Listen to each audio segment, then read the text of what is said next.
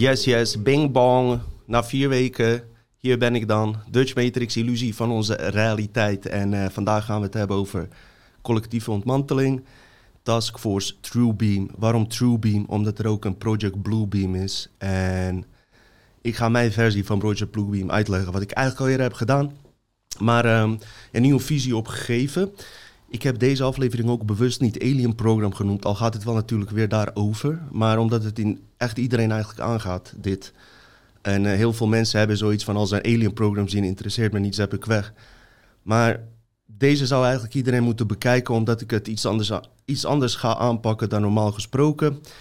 Ja, vier weken lang uh, hebben we niet uitgezonden. Ik heb een aantal interviews gehad die niet door zijn gegaan. Um, waar, ik begrijp die mensen ook. Die hebben weer hun struggles. Ik heb mijn struggles. Iedereen heeft zijn shit. Het weer is zoals het is. Ik doe ook maar mijn best door mooie plantjes hier te plaatsen om het hier lekker gezellig te maken. En ik weet ook dat het aan het weer ligt, hè, dat je te weinig zonlicht hebt en al die shit, te weinig vitamine D. Maar mijn motivatie was gewoon weg. Ik kon gewoon niet bij mijn geheugen komen, om het zomaar te zeggen. En ik wil het niet extreem maken, maar normaal gesproken kan je mij op elk tijdstip, vier uur s ochtends bel je me op en ik kan drie uur lang kan ik praten over deze thema's. Nu um, werd mijn mond voor een soort van gesnoerd. Um, hoe kan ik daar best uit? Misschien in die film The Matrix, dat hij op een gegeven moment uh, Neo iets, wil iets zeggen over zich verzetten en zijn mond gaat gewoon dicht. Die Agent Smith doet gewoon zijn mond dicht. Nou, zo'n type ervaring, al denk ik wel dat het een goede positieve ervaring was. Want ik denk dat het ook gewoon een, uh, ja, gewoon klaar met een bepaalde cyclus, zoals dit boek wat ik heb geschreven, om weer nieuwe, ja, uh, richtingen te kiezen, die uiteraard wel hiermee te maken hebben. Maar gewoon misschien een nieuwe vorm kiezen. misschien uh, is het gewoon tijd dat ik dit natuurlijk blijf doen wat ik doe. Dat zou ik blijven doen. Maar ook af en toe gewoon um, wat meer van andere kant dingen benaderen. En ik heb uh, deze thema's benaderd. Dus onzichtbare krachten die invloed hebben onze, op onze realiteit. Omdat ik denk echt dat dat nu echt ook fucking belangrijk is. Ik heb een uh, interview nu weer ook met David Tyke over zijn nieuwe boek. Ook Dream, The Dream 80. Kwam week voor mijn boek uit. En ook hij... Uh, hij is ook echt real gebleven. En hij zegt ook uh, constant, ook over alternatieve media, dat is wat hij zegt. Hè? En ik ben ook compleet daarmee eens dat ze toch blijven haken bij dat geopolitieke stuk, zeg maar. En niet verder willen gaan. En ja, goed, weet je, dat is niet om te blamen of alles, maar dat gaf mij wel de moed. Uh, het moet om, even kijken, True Jordy, daar was die volgens mij. En kijk even die podcast en kijk even wat wij afgelopen vier, vijf jaar hebben gedeeld. David Eijk en ik en nog jullie allemaal, wij zitten allemaal blijkbaar uit eenzelfde informatieveld op dit moment te plukken. Nou, uh, ja, en omdat David Eijk, hij is degene die me ook echt ontwaakt heeft, maar ook zo lang hiermee bezig is, gaf mij ook een soort van extra uh, power, extra kracht. Dat is wat wij mensen onder elkaar doen, onbewust, ook al zien we elkaar niet. Om, uh, om deze aflevering dan te maken. Het gaf echt een soort van bevestiging. Want ik heb David eigenlijk afgelopen vijf jaar helemaal niet onderzocht. Ik ben totaal andere richting opgegaan mijn eigen onderzoek verricht, onafhankelijk van David Icke of wat dan ook. En als ik dan hoor wat hij de laatste paar jaar heeft uh, uh, uh, onderzocht en in, in zijn boek heeft op heeft geschreven, denk van wauw, het is dus niet dat ik hem kopieer en napraat, want mijn boek kwam pas een week later uit. Maar we hebben gewoon uit, uit hetzelfde informatieveld geplukt. En ook hij zegt, het stopt niet bij de piramide. Het zijn gewoon echt krachten die boven, daarboven nog spelen, onzichtbare krachten. We kunnen maar uh, 0,00 nog wat procent van deze werkelijkheid zien. Dus we zijn een soort van blind, zegt hij ook. En hij heeft het over operatie Paperclip, um, backdrop people of hoe heet het, NPC's en heel veel thema's. Demiurg, van Argonte, Nagamadi, dat, dat soort dingen. Andere versies van de Bijbel gecombineerd met deze ja, toch wel uh, controversiële thema's. Uh, um, als je dan hoort dat, dat hij daar ook mee bezig is, gaf mij gewoon ook wat uh, extra power om het te doen. Plus een aantal mensen die zeiden: Dino, we staan te popelen op nieuwe afleveringen. Ze hebben Erzan op aangesproken, want Erzan is meer in het veld, meer buiten. Hij komt ze meer tegen die mensen op een of andere manier. Dus uh, ja, we gaan het gewoon weer doen. En ja, wat er dus ook aan de hand is, dus niet alleen het weer. Niet, over die hele fucking wereldsituatie, weet je. Die Palestina en, uh, en uh, Israël. En natuurlijk zijn we geneigd om daar weer dan op te reageren. En dat wil ik ook graag, maar weer bam. Mijn mond gesnoerd gewoon. Ook gewoon thuis, weet je wel. Door mezelf of door krachten, ik weet het niet. Um, En dan gaan er dingen door je hoofd die, die ik dan niet eens meer wil uitspreken. Waarom? Het is al gezegd, weet je. We hebben hier al zo vaak over gehad. Waarom zou ik het ook moeten herhalen? En daarom is het misschien ook goed dat het eh, gesnoerd was. Misschien is het uh, door mij diepere zelf uh, gesnoerd. Zou ook kunnen. Dat het niet eens de matrix zelf was. Maar ja, ik, ik, ik, ik moet het toch zeggen, weet je. Je zit dus nu, je ziet dat kinderen vermoord worden. onschuldige mensen in Palestina. Israël ook, maakt verder niet uit waar, waar het ook is. Zie het gewoon echt op beeld. Zie het gewoon gebeuren. Dus we praten niet meer over complotten, wat eventueel is, wat vals nieuws, wat nepnieuws is. Je ziet beelden van mensen die daar wonen die filmen letterlijk alles, hoe alles gebeurt. Je ziet hoe eh, kinderen van twee, drie uh, doodlevend uit, uh, uit de puinzooi worden gehaald, weet je. Van de aanvallen die wij nu al goedgekeurd hebben natuurlijk, weet je. We, we keuren alles goed wat Amerika en Israël doen. Dat is ook vreemd, dat we het maar met alles eens zijn. Honderden oorlogen die ze voeren, wij zijn standaard achter hun. Is er niet één keer geweest waar ze niet gelijk hadden? Komt er ooit een keer dat wij zeggen nee? We gaan nergens in mee. Snap je? Dus dat is allemaal aan de hand. Uh, allemaal teringzooi over de hele fucking wereld. Mensen hebben niks te eten, Afrika niks. Uh, dorst, bullshit, alles. En waar zijn we hier in Nederland mee bezig? Debatten over transgenders. Omdat bepaalde mensen zich hier dus ja, niet veilig voelen in Nederland. omdat ze niet weten, of tenminste een extra, extra dimensie aan het geslachtfenomeen willen uh, toeschrijven. Prima, doe je ding. Als je volwassen bent, doe je ding. Maar wat ik dus niet begrijp, wat ik dus niet begrijp. En dat is het interessante. Hoe ga je dus daarmee om met die soms bijna frustratie? En dat had ik dus de laatste paar dagen. Eigenlijk een die, diepgaande frustratie. En ik weet wat er aan de hand is, maar ik mag ook gefrustreerd zijn. Dat dit gewoon niet wordt gezien. Het belang. Wat nou, wat nou belangrijk? Wat is er nou belangrijk? En met alle respect hoor, want iedereen die gepest wordt, getreiterd uh, om zijn geaardheid en zo, vind ik verschrikkelijk. Maar kijk eens even wat er aan de hand is. Wij focussen ons dus, uh, zoals je hier zit, op een uh, meneer die, die zegt transgender, hij weet niet wat hij is. Volwassen gast, prima, doe je ding. Doe je ding, weet je. Maar bij mij komt er ineens op van ping-bong. Ik was gorilla, nu een King Kong. Dan val ik je nu daarmee lastig. Ik heb eerder gezegd, weet je, volgens mij in Nederland, als je heel de wereld neemt, hebben, hebben juist mensen die, uh, die uh, gekleurd zijn en uh, weet je, dit soort, ik, geen afwijking, gewoon dit soort, hoe kan je nou het eerlijk zeggen, extra genders willen zijn. Prima, dat is altijd goed geweest, man. Ik weet niet wat de fuck het probleem is. Hij vertelt dat stemmers van Baudet hem lastigvallen, zeg maar omdat Baudet bepaalde uh, uitspraken doet. Maar dan zie je Jette daar zitten. En je zit natuurlijk, zie je die uh, hem troosten. Deze man, in mijn ogen, lijkt het echt een acteur. Ik heb ook serieus nergens anders podcasten gezien die hierop gereageerd hebben. Dus dit is even mijn mening. Voor als mensen ook dit al gezegd hebben, sorry dat ik het dan herhaal. Ik heb niks gekeken hierover verder. Ik heb alleen dat debat vijf, twee minuten gekeken. Of dat gesprek tussen Baudet en hem. En ik kijk naar die man. Uh, hij heeft een pokerface. Hij, heeft een fucking pokerface, die gast. Ze, ze, hij kijkt heel verdrietig al bij voorbaat. Je kan toch gewoon vrolijk een gesprek ingaan. Hij kijkt al verdrietig. Die vrouw die hem dan uh, voor Baudet, uh, zeg maar, heeft gerusteld. Rustig maar, jongen, meisje, wat je ook bent. Wat je ook bent. Rustig maar, rustig maar. Oké, dus hij zegt, ligt aan Baudet dat iemand hem daarop aanspreekt. Tegelijkertijd zit Jette daar. Jette is degene die hele atmosfeer uh, om Baudet heeft uh, uh, gezet. Dat het een pro-Rusland guy is. Ja? Terwijl die dat niet is, maar goed. Dat hij de Poetin steunt. En Baudet kreeg de fucking klap met een paraplu op zijn hoofd. Dus dan zou in wezen, dat had hij moeten doen, Baudet. Ik heb die hele debat niet afgekeken. Ik hoop dat hij dat heeft gezegd. Maar dan zou Baudet in wezen kunnen zeggen van... Um, het is de schuld van Jette dat ik die paraplu op mijn hoofd heb gekregen. Want hij heeft die sfeer gecreëerd. Snap je? Dus ik, ik, ik hoop uh, als, dat Baudet dit een keer ook even naar voren brengt om zichzelf te verdedigen. Verder, jullie weten van mij wat ik over politiek denk. Ook verder niks over toe te voegen. Maar ja, weet je, uh, ik reed in de auto en, dat, uh, en, en op een gegeven moment dacht ik, ineens komt het besef binnen. Ja, de cyclus is gewoon rond in mijn realiteit. En welke cyclus is rond? We weten nu, eh, en daar ben ik de afgelopen vijf jaar bezig mee geweest, is dat we gewoon eh, op een eh, veel hoger interdimensionaal level worden beïnvloed. Het is niet alleen WEF, Bilderberg Groep, al die Illuminati-afdelingen, satanische sectes, bankiers, noem maar op.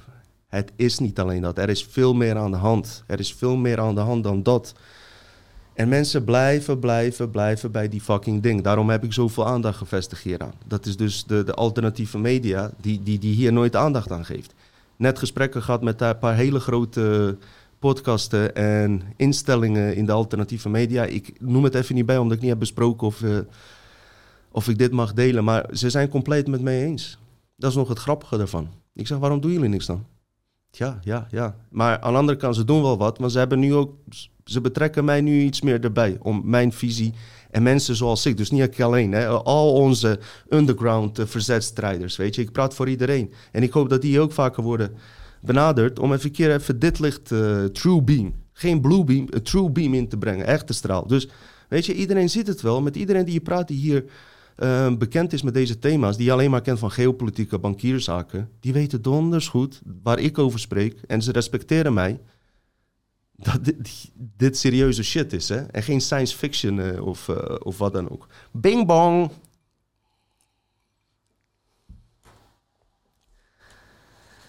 Dus ja, um, wat, wat, wat de nieuwe richting gaat worden, wat ik ga doen. En het is al zo en zo fout dat ik het nieuwe richting noem. Want ik neem hier ook geen afscheid van. Als ik iets zie wat hier nog wat aan toegevoegd kan worden, zal ik zeker delen. Sowieso in de lezingen. Daar ben ik ook vergeten te zeggen. Uh, in de lezingen ga ik dit, uh, uh, uiteraard dit boek, lezingen die ik ga geven is gebaseerd op dit boek, dus die onderwerpen komen erbij. En heel veel kijkers hebben nog vragen en die kunnen ze dan op een interactieve manier stellen. De lezingen gaan zo, ik heb een proeflezing gehad, het is top gegaan, ga ik je straks vertellen. Dus het gaat zo, ik begin, ik praat de eerste twee uur, ik maak een paar goede fucking geintjes, ja. Dan neem je pauze, rook je jonkel of wat je ook doet, ja. geen harddrugs. Je neemt een wijntje, interesseert mij niet. En dan gaan we naar de vragen. Of je neemt gewoon, uh, uh, ik wou zeggen genderthee. Doe dat maar niet. Uh, gemberthee. Mannelijke hormonen is goed voor je. Als een vrouw zijnde kan je een bier nemen, daar zitten weer vrouwelijke hormonen in. Um, dus daar ga ik wel voorzetten. Dus lezing gehad. Ik wil even Hans van der Meij nog een keer bedanken. Man die bij deze, dit boek betrokken is geweest. Ook laatste aflevering hebben we met hem gehad. Hij was wel echt degene die want ik, weet je, zo zit ik dus ook in elkaar. Ik ga lezingen geven. Ik roep het eigenlijk al een jaar. Hè? En daarom heb je mensen zoals Hans nodig in mijn geval. Die gewoon een keer bellen en zeggen: luister, we gaan nu een datum prikken en we gaan het gewoon doen. In plaats van alleen maar bla bla bla praten, dit en dat. Dus Hans had uh, eh, 20 oktober datum ingepland, was een try-out. Ik heb er ook geen reclame voor gemaakt. We hebben het uh, op een subliminal wijze eigenlijk in de laatste aflevering verteld. En we dachten van, hé, hey, wie dit oppikt zijn de hardcore kijkers die komen. En echt respect voor die kijkers en mensen die zijn gekomen. Het was een zware storm waar ik doorheen moest. Afsluitdijk, hoe, heet dat ook alweer, richting Friesland. Ik denk dat ik, ik woon nu in de, sinds 1993 in Nederland, 30 jaar, dat ik nog misschien twee of drie uh, van dit soort onweersdagen heb meegemaakt. En dat die mensen de moeite namen, zelfs vanuit Den Haag, om naar Friesland te komen. Om mij dan in dit geval te zien. Hey, deed, deed me zo, zoveel warmte. En die mensen die er waren, hè, er is geen geslijm of zo. Zij weten, zij hebben ook gevoeld dat, dat ik het meen, weet je. Zet het maar in de reacties wie erbij waren, geen probleem. hey, die mensen waren op de grond. Ja? Balans. Ze staan voor alles open. Ze hebben scheid aan mij. Gewoon op een gelijkwaardige wijze praten we. Ja? En ze waarderen wat ik doe. En dat gaf me ook weer kracht weer. Zij hebben ook, mij ook weer gemotiveerd van... ja, bam, ga, weet je, ga. Want uh, net wat ik zei, ik was de laatste twee, drie weken ook, ook in mijn realiteit om me heen uh, conflicten. Ja, conflicten met mensen om je heen, met je familie. Je kan het zo gek niet verzinnen. En ik kan wel zeggen, het is niet mijn fout. Het is niet mijn fout ook. Mijn vriendin was erbij. Al die conflicten die zijn gebeurd. Ze zegt, Dino, dit is niet normaal. Waarom gaan mensen ineens zo raar tegen je doen uit het niks? Ik zeg, ja, ik weet het wel. Probeer het hun maar uit te leggen. Dus haar heb ik heel veel gehad. Dat, omdat zij zegt van nee, je zat hier gewoon niet fout. Want ik weet niet of, je, of jij het wel eens herkent in een situatie. Ik ga het niet te diep op in, weet je, is privé. Ook voor die mensen. Maar iemand flikt jou wat, ja. En ik ben een emotioneel persoon. Ik kan niet naar bed gaan zonder dat ik het met die persoon heb opgelost. uh, goedschiks of, of kwaadschiks. Ja? Ik ben zo. Ik, ik moet gewoon rustig kunnen slapen als ik naar bed ga. En dit gebeurde. Maar soms als ik het diezelfde avond niet heb opgelost, het blijft in mijn hoofd draaien. En na twee, drie dagen draaien mijn hersenen het zo om dat het mijn schuld was. Terwijl het niet mijn schuld was. Snap je? En dan verwachten die mensen dat ik uh, me, zeg maar, uh, sorry ga zeggen voor iets wat ik niet uh, heb gedaan. Snap je? En deze keer daarom respect voor mijn vriendin ook. Die zei, Dino, er gebeuren hele rare dingen. Want ze is nu iets vaker ook bij mij in de buurt. Door haar werk is ze wat vaker met mij. En uh, ziet ze ook dingen gebeuren, weet je. Ook met lezingen ga ik haar ook meer bij betrekken dat ze meegaat en zo. Ze zegt, dit is echt absurd wat er gebeurt. En uh, zij heeft me daarin gesteund, dus dankjewel schat daarvoor. Ik wil ook trouwens niet zielig klinken. hey, kom op, laten we niet zielig doen.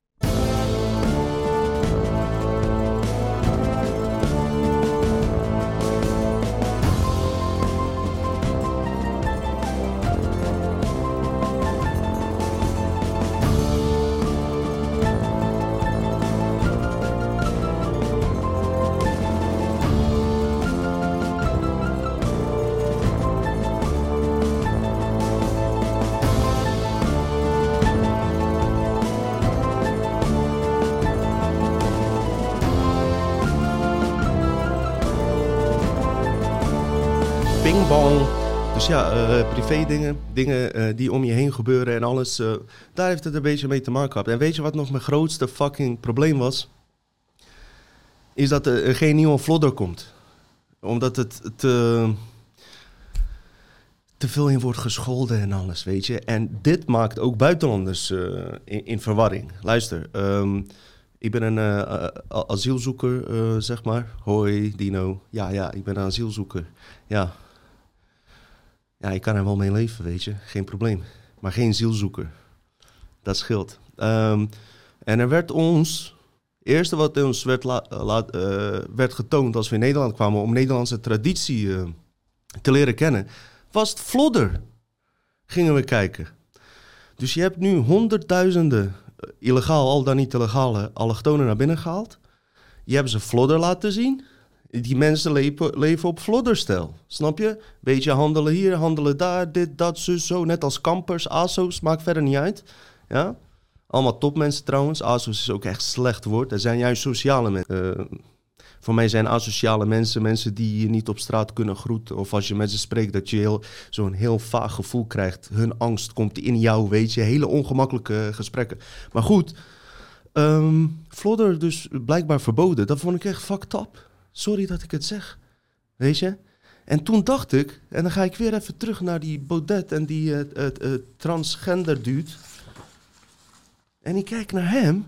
En weet je waar ik aan denk? Het zou een acteur kunnen zijn, want je kan toch niet de hele dag met zo'n smoel daar zitten. Dan, daar ben je al voor geprogrammeerd. Het kan zijn dat ze hem ingehuurd hebben, maar het kan zijn dat hij zijn punt wil maken en zichzelf al helemaal heeft voorbereid. Ja? Misschien draagt hij dit niet eens in zijn, uh, in zijn uh, uh, gewone leven. Dat hij zich helemaal heeft voorbereid. Zo'n zo'n trieste, trieste smoel trekt hij. Weet je? Het is belangrijk voor mij dat ik hierover praat. Ik, ik, ik voel al dat ik veel lichter word. Het is goed voor mij dit. Het is goed voor mij dit. En ik kijk, ik denk, hé, hey, nieuwe nieuw kids, perfecte kandidaat daarvoor. Perfect. Meer zeg ik niet. Je weet wat ik bedoel. Hè? Je weet wat ik bedoel. Bing bong. Oké mensen, we gaan nu naar, een, uh, eigenlijk, uh, naar het punt waar het over gaat. Ja, dit is echt te triest voor woorden, weet je. Het, deze hele situatie, weet je, uh, het is grappig, maar het is soms ook echt frustrerend, wil ik niet zeggen. Want als je wat beter besef hebt, hoef je je niet te frustreren. Maar als jij constant tegen jezelf moet werken om je niet te frustreren, uh, ben je emotie ook niet aan het tonen.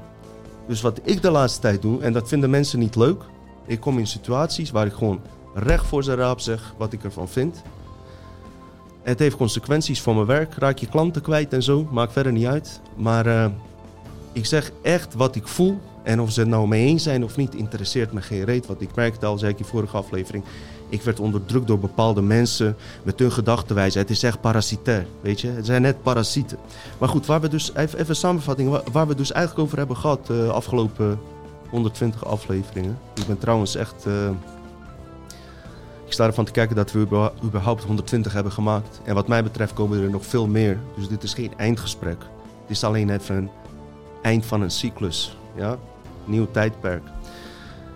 Dat we er überhaupt 120 hebben uh, gemaakt. Respect uh, voor iedereen. Voor Simon, voor Ersan, uh, leden, Joffrey, Dutch Matrix gewoon, weet je. Maar ook al die gasten die er geweest zijn. Ik heb er niet 120 gemaakt. iedereen heeft hier aan meegewerkt. Snap je? Mensen die bij Operaat van Elf zijn geweest. Nou, dat zijn de echte vrienden van Dutch Matrix. Snap je? Ik zeg niet diegenen die er niet waren dat ze niet zijn. Maar je hebt gezien, weet je. Ze zijn er en respect. ze hebben het ook gemaakt tot wat het is. Maar ehm, net wat ik zeg, ehm, soms ehm, ja, mag je ook wel eh, een beetje boos zijn op de situatie. Want anders word je zo'n binnenvreter. En ik ken binnenvreters, die blijven 30 jaar binnenvreten en ineens krijgen ze kanker of iets. Snap je wat ik bedoel? Je kan beter even het van de daken schreeuwen. Schreeuw die kanker eruit. Snap je wat ik bedoel? Dus ja, waar we het dus over hebben gehad de afgelopen tijd is... ik herhaal nog even één keer voordat ik naar de volgende stap ga, wat, uh, wat meer naar de positieve en oplosbare kant gaat, is dat we eigenlijk onderdrukt worden, de mensheid, op een ongekend level, interdimensionaal level. Uh, onzichtbare laag wordt met onze werkelijkheid gekloot. Dat kan, omdat alle onderzoeken ook uitwijzen dat wij slechts 0,00 nog wat procent van onze werkelijkheid kunnen waarnemen. Wat gebeurt er dan in die velden die wij niet kunnen waarnemen? Zou het kunnen zijn dat de manipulaties vanaf die velden worden bestuurd. Waardoor wij stekenblind zijn, zoals Martijn van Staveren dat in zijn laatste lezingen heeft verteld. En dat, en dat is iets waarom je altijd moet uitkijken um, met het vertellen van de zogenaamde waarheid. Want het is de waarheid in de perceptie die jij ziet en ik zie. Dus wat ik ga vertellen is alleen een perspectief aan mogelijkheid. En verder uh, is het aan jezelf uiteraard wat je mee gaat doen. Dus uh, we hebben ons gericht op die uh, groepen, interdimensionale uh, manipulaties die, die via vooral militaire diensten, maar ook allerlei sectarische afdelingen invloed op onze realiteit af, uitoefenen. Via verschillende invalshoeken hebben we dat benaderd. Vooral via Secret Space Program, al die afleveringen, alien programs die ik heb gemaakt.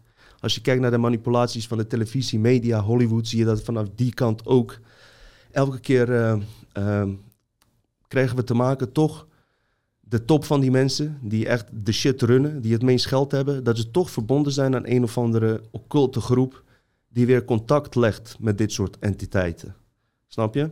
En de meeste mensen komen tot daar en niet verder. En ik heb geprobeerd ook dat stuk te proberen te ontrafelen, weet je. Want ik wil gewoon weten tegen wie strijden we eigenlijk. En ik denk dat, dat we dat nog steeds niet helemaal goed in kaart hebben. Uh, en ik zelf misschien ook niet. Dus ja, uh, dat is het mooie ook. Ik ben, net, ik ben net als een van jullie, gewoon een onderzoeker die zijn onderzoeken deelt. Ik kom je geen les lezen, snap je wat ik bedoel? En ja, waar kom je dan al gauw bij terecht? Kijk, als je um, de alternatieve media um, zou geloven, ja, het draait om geld. De farma-industrie heeft COVID uh, dit in elkaar gezet om veel COVID-vaccins te verkopen. De bankiers ze willen meer geld, meer geld. En diezelfde mensen zeggen dat de kabal zelf geld drukt. Dus, wat is de logica daarvan? Als ze geld drukken, dan draait het niet om geld. Dan draait het om iets meer dan dat. En dat ben ik in 2015 heb ik dat, ben ik dat definitief, heb ik, dacht ik van wow, het is genoeg met die uh, Illuminati shit. Ik moet echt gaan onderzoeken, die spiritualiteit en al die andere zooi wat, er omheen komt kijken natuurlijk, weet je wel. En waar, waar draait het dan wel om? Uh, conclusie is, wat ik hier ook schrijf, wat ik vertelde, juist, en dat is het positieve nieuws, is dat de mensheid goud in zich draagt. Interdimensionaal, kosmisch goud. Elite bloedlijnen zijn wij. Deze aflevering is dan ook mijn laatste troefkaart. Koning Harten. Ja, die ik even ingooi voor deze aflevering. Speciaal. En ik wist dat ik heb deze aflevering heel lang in mijn hoofd. En ik dacht, er komt vast een moment wanneer die moet komen en dat is nu. En die, die gooi ik nu in. Dat is die hartstroefkaart die wij nog hebben. En zij hebben die Project Bluebeam. Dat is hun, hun troefkaart. En, eh, en de endgame draait erom wie deze pokerwedstrijd gaat winnen eigenlijk. En heel veel van ons weten niet eens dat we in dat pokerspel uh, zitten. We weten niet eens wie de dealers zijn, ja? Wie delen de kaart uit? Wie speelt er vals? Snap je wat ik bedoel? Cheers.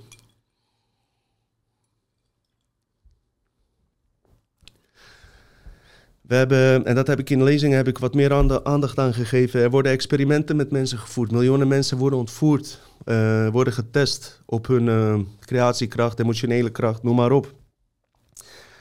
En iedereen, net wat ik zei, die hier langer mee bezig is, respecteert hetgene wat ik doe. En respecteert jullie kijkers. En ze weten donders goed dat hier wat achter zit. Het wachten is alleen op het moment tot deze shit gaat knallen. Bing bong. Dus er wordt geen bing bang, maar bing bong. Snap je wat ik bedoel? Het is echt een galactisch level, ja? Oké, nou komen er wat stukken wat ik niet eerder heb gedeeld. Niet omdat ik het niet wilde delen, niet omdat het verboden was om het te delen. Maar sommige informatie moet je gewoon even wachten. Uh, tot het moment komt dat je van binnenuit hoeft, uh, voelt dat je het uh, zou kunnen doen. En dat is voor mij het moment nu. en eigenlijk, de vaste kijkers die alle afleveringen hebben gezien, zullen niet eens wat nieuws horen. Ik ga het nu alleen even bij elkaar brengen. Wat is het ding? Dus als je dit allemaal, wat, wat ik net verteld heb, al die ellende en goede dingen, hè? want het feit dat, dat wij zoveel kracht in ons dragen, dat is juist onwijs goed nieuws. En eigenlijk is, het, is ook dit boek aan het eind gewoon zo goed nieuws dat al die ellende die je daarvoor hoort, wordt over, overschaduwd, wilde zeggen, overlicht, hoe je het ook wil noemen. Maar um, we willen uiteindelijk gewoon een, gelukkig leven leiden, weet je. En niet met de tegenwerkingen te maken hebben.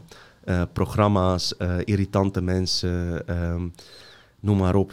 Snap je, die in je le leven verschijnen. En ik heb hele controversiële theorieën hoe het komt dat jouw leven kut is. Fuck your life. Snap je? Waarom die kut is. Sommigen denken, ja, dat is karma van mijn vorige leven. Dat moet ik nu balanceren. Nou, is dat zo? Of worden, worden de scènes via die onzichtbare lagen zo in elkaar gezet? Of is je onderbewustzijn zoveel volgepropt met negativiteit door al die shit die we op uh, televisie hebben gezien, waardoor we zelf onze eigen shit creëren? Of is het alle drie uh, samen datgene wat ons nu overkomt? Maar waar draait het om? En waar ik echt heel graag, wat mij betreft, uh, veel meer afleveringen ook zou willen maken. Maar dan moet ik het wel weten kunnen of mensen interviewen die daarvoor gekwalificeerd zijn, in naar mijn idee, om daar iets over te delen. Is van hoe, komen we, hoe de fuck komen we hieruit? Toch? Dat is toch de, uh, de, de, de, de, de, grootste vraag, weet je wel.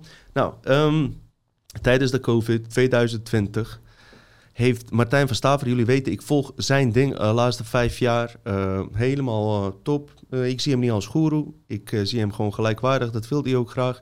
Alleen ja, ik heb al eerder gezegd, ik vind zijn informatie gewoon van alle anderen, als je vergelijkt met honderden die ik heb onderzocht, voel ik iets daarbij. Nou, dan kan je zeggen, je kan ook verkeerd voelen. Klopt. En daarom zeg ik, hetgene wat ik ga vertellen, heb ik totaal geen bewijs voor. Voel het gewoon voor, voor jezelf na.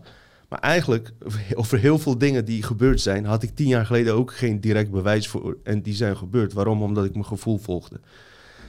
Dus um, wat was er aan de hand? Die COVID brak uit en hij had uh, deze informatie nogmaals, um, uh, wilde ik toen niet delen, omdat het eerst beter is om door een kleine groep mensen gedragen te worden. Net als onze podcast begon ook bij 500 kijkers. Die dragen dat. En bedankt jullie voor ook, ook die eerste groep vooral. Die dit überhaupt hier iets inzagen. Want iedereen zat toen in die covid shit. De enige die ons volgden waren mensen die al lang in deze materie zitten. Snap je? En ik zal ze nooit vergeten. Echt top. Ik hou van jullie. En ook van die anderen. Maar jullie hebben het gedragen dus. En dat dient te worden gedaan als je uh, via, met veldwerk bezig bent. Uh, dat lightwork ben ik geen fan van. E enige lichtwerker, uh, wil, wil lichtwerkers die ik erken zijn glazenwassers in Nederland. Dat zijn enige figuren die letterlijk licht in je huis brengen. Voor de rest, geen disrespect of wat dan ook. Maar ik ben niet veel wijzer geworden van die zogenaamde lichtwerkers.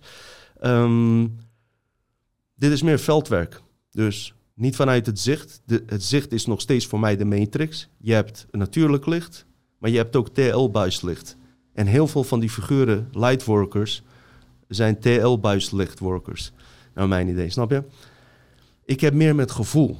En dat is meer veldwerkers. Dus niet lichtwerkers, maar veldwerkers. En met veld bedoel ik een veld creëren. Vooral, ik moet mij... Kijk, heel veel mensen, uh, vooral in de mainstream media... die proberen chockerende dingen naar voren te brengen... in de hoop meer kijkers te krijgen.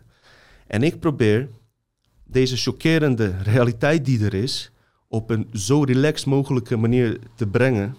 Dat, dat, dat, je, het, dat, eh, dat je het ergens kan plaatsen en niet in angst schiet of wat dan ook, snap je? En dat heeft dus met dat eh, veldwerk te maken. Waarom? Omdat uh, als, als iets nieuws in wordt gebracht en je gaat dat massaal brengen. Ik wist dit ook eerst niet, maar later voelde, voelde ik het na. En dacht van ja, fuck, dat klopt wel. Daar heb ik ook ervaring mee.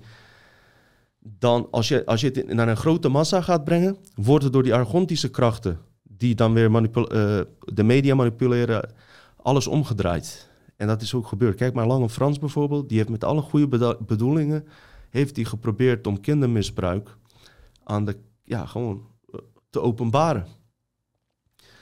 Wat er gebeurde, had die interview met Jeanette Ossenbaard. Ik laat verder even mijn mening daarover, over die interview. Weet je, ik vind het alle twee helden trouwens. Shoutouts naar hun. Je, ik hoor niet veel van ze. Nog steeds respect. Ze zijn allemaal broeders en zusters die met ons helpen. Uh, verder over die interview laat ik het even uit. Ik, wat ik wel weet, is dat het goed bedoeld is, zowel van Lange als van Jeanette Ossenbaard. Maar wat is het gevaar geweest? Is dat Lange te populair was. Snap je? Als ik dat had gedaan met 500 kijkers, diezelfde interview, dan had het niet zo'n impact gehad. Omdat het gedragen zou zijn, energetisch, door mensen die bekend zijn met deze thema's. Maar doordat zij zo groot waren en populair, werd dit direct de mainstream ingevoerd. En dan met stereotyperende uitspraken die tegen hun zijn gebruikt. En ja, tuurlijk hebben ze misschien geen handige uitspraken gedaan. Goed, dat maakt verder niet uit. Waardoor dat feit dat er uh, satanisch misbruik onder uh, hooggeplaatste mensen in Nederland en wereldwijd, zoveel documentatie hoeven we niet eens over te hebben, uh, dat dat ineens is omgedraaid naar een mythe op een of andere manier. En zodra je begint erover, word je voor een gek versleten. Waarom? Ze leggen die connectie met die aflevering van Lange Frans. Arjan Lubach uh, doet nog een steentje bij. Mensen praten elkaar na op internet hier en daar. En zodra je dit uitspreekt, merk ik al, ah, en dat is het veldwerk. Zodra je dit uitspreekt, zit er een uh, veldwerk van een uh, ja, energie van een gekke wappie.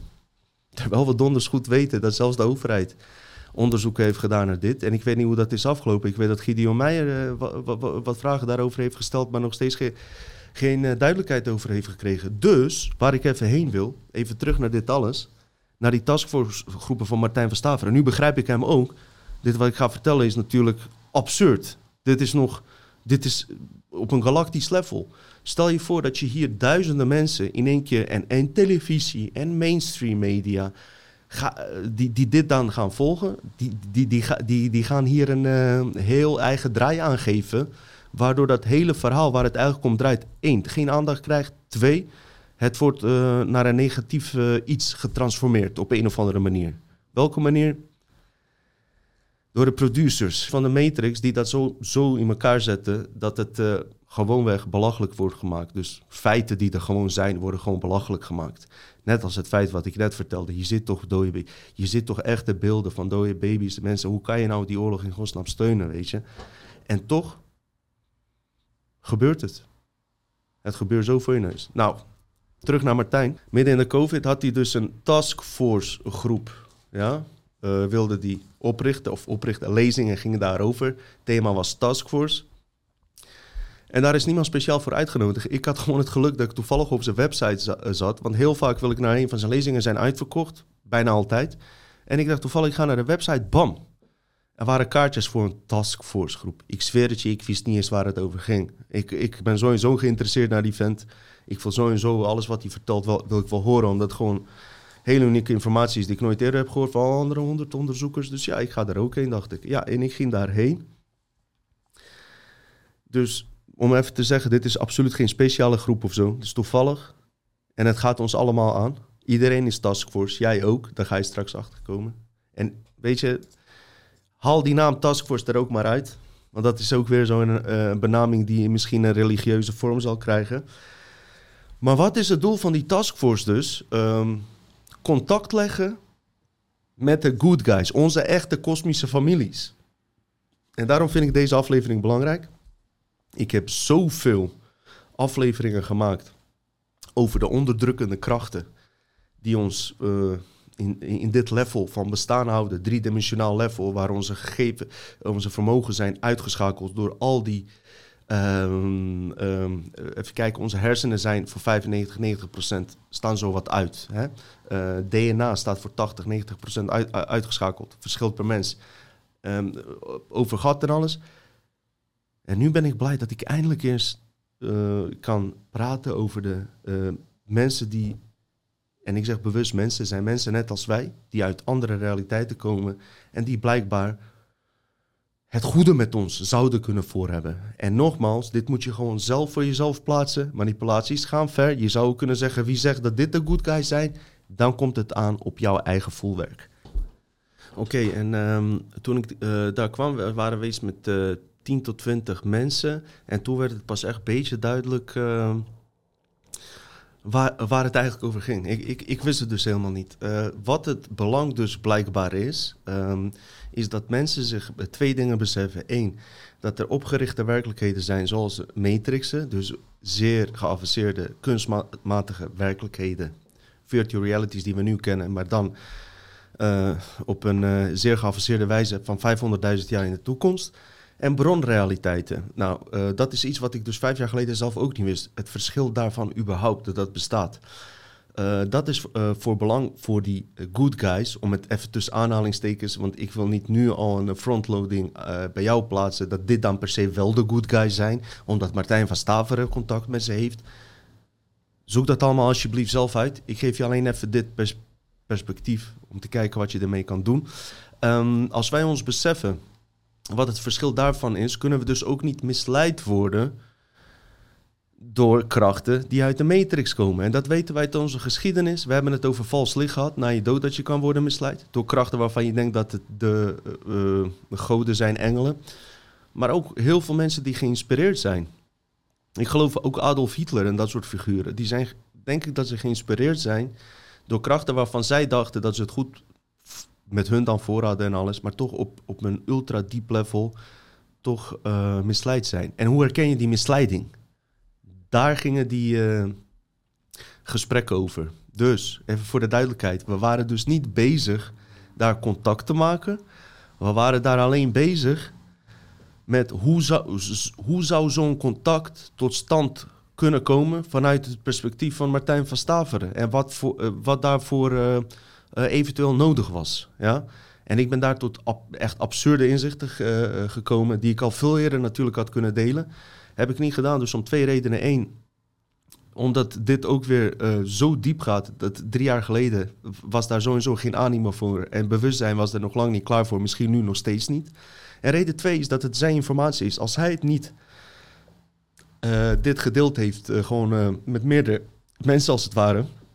Ga, ga ik dat dan sowieso niet doen, weet je wel? Dat moet hij eerst zelf doen. En intussen heeft hij eigenlijk dat hele verhaal wat we toen hebben besproken in verschillende lezingen al, gedeeld met mensen, waarvoor, waardoor ik nu dit gewoon kan delen, weet je wel. En het gaat ook om vertrouwen, weet je. Hij heeft niet, nooit gezegd van eh, het mag niet gedeeld worden. Hij heeft het verhaal alleen uitgelegd van wat het betekent om met een klein groepje alvast zo'n eh, organische cloud op te bouwen om dit verder uit te breiden. Dus daar gaat het om. Ik had het ook toen kunnen delen, was ook goed geweest. Maar ik, ik besef nu waarom het juist goed is misschien dat ik het nu, nu doe, weet je. Dit is mijn eh, troefkaart. Koning Harten, elite bloedlijn, dat ben jij ook. Koninginnen, koningen. En misschien zijn in andere werkelijkheden no- nog meer genders. Boeit me geen reet. Snap je wat ik bedoel? Ik heb alleen zoiets van bing bong. Snap je? Ik, eh, ik, ik kom niet van de bing bang. Dat is Matrix. Ik kom van de bing bong. Organische werkelijkheid. Snap je wat ik bedoel? Oké. ehm, waarom laten de good guys zich dan niet zien? Was mij grote vraag altijd. Wat Martijn zo en zo ehm, toen eh, dus duidelijk maakte is... dat die good guys ehm, zo en zo geen interventie plegen. Niet op de manier hoe het op spirituele wijze wordt uitgelegd. Dat is niet de reden om- omdat je in een eh, bepaalde eh, lestoestand bent, maar ook uit hun eigen veiligheid. Ja? En dit is iets absurds. Ehm, deze wezens, in tegenstelling tot die wezens waar ik in dit boek over schrijf, ehm, die van het draconische systeem komen, artificieel kunstmatig veld, argontisch veld, daar opereren zij uit. Dat is hun internet, intellectueel veld. Zeer, zeer intellectueel. wijs. Het is niet allemaal ellende en narigheid. Er zitten ook hele mooie dingen in. Hele mooie draconische dingen. Die liefdevol lijken en zijn. Maar de bronrealiteit opereert uit een ander netwerk. Het algeheel oneindig netwerk. Waar dit dan ook staat ingebed, zeg maar. Nou, het belang voor die wezens als ze op aarde willen verschijnen is, is dat iemand een landingshaven voor ze moet maken met hun bewustzijn. En dan kan je afvragen, hè, waarom? Als je ervan uitgaat dat deze wereld, deze werkelijkheid, zich in jouw hoofd afspeelt, en wij allemaal de Neo zijn, jij bent de one, ik ben de one, en we zijn allemaal hier, ja.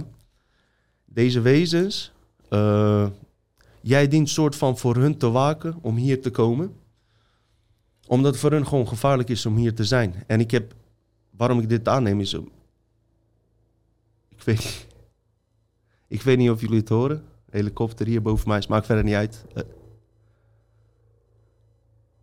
ja. Uh, deze wezens, um, Eén moment hoor.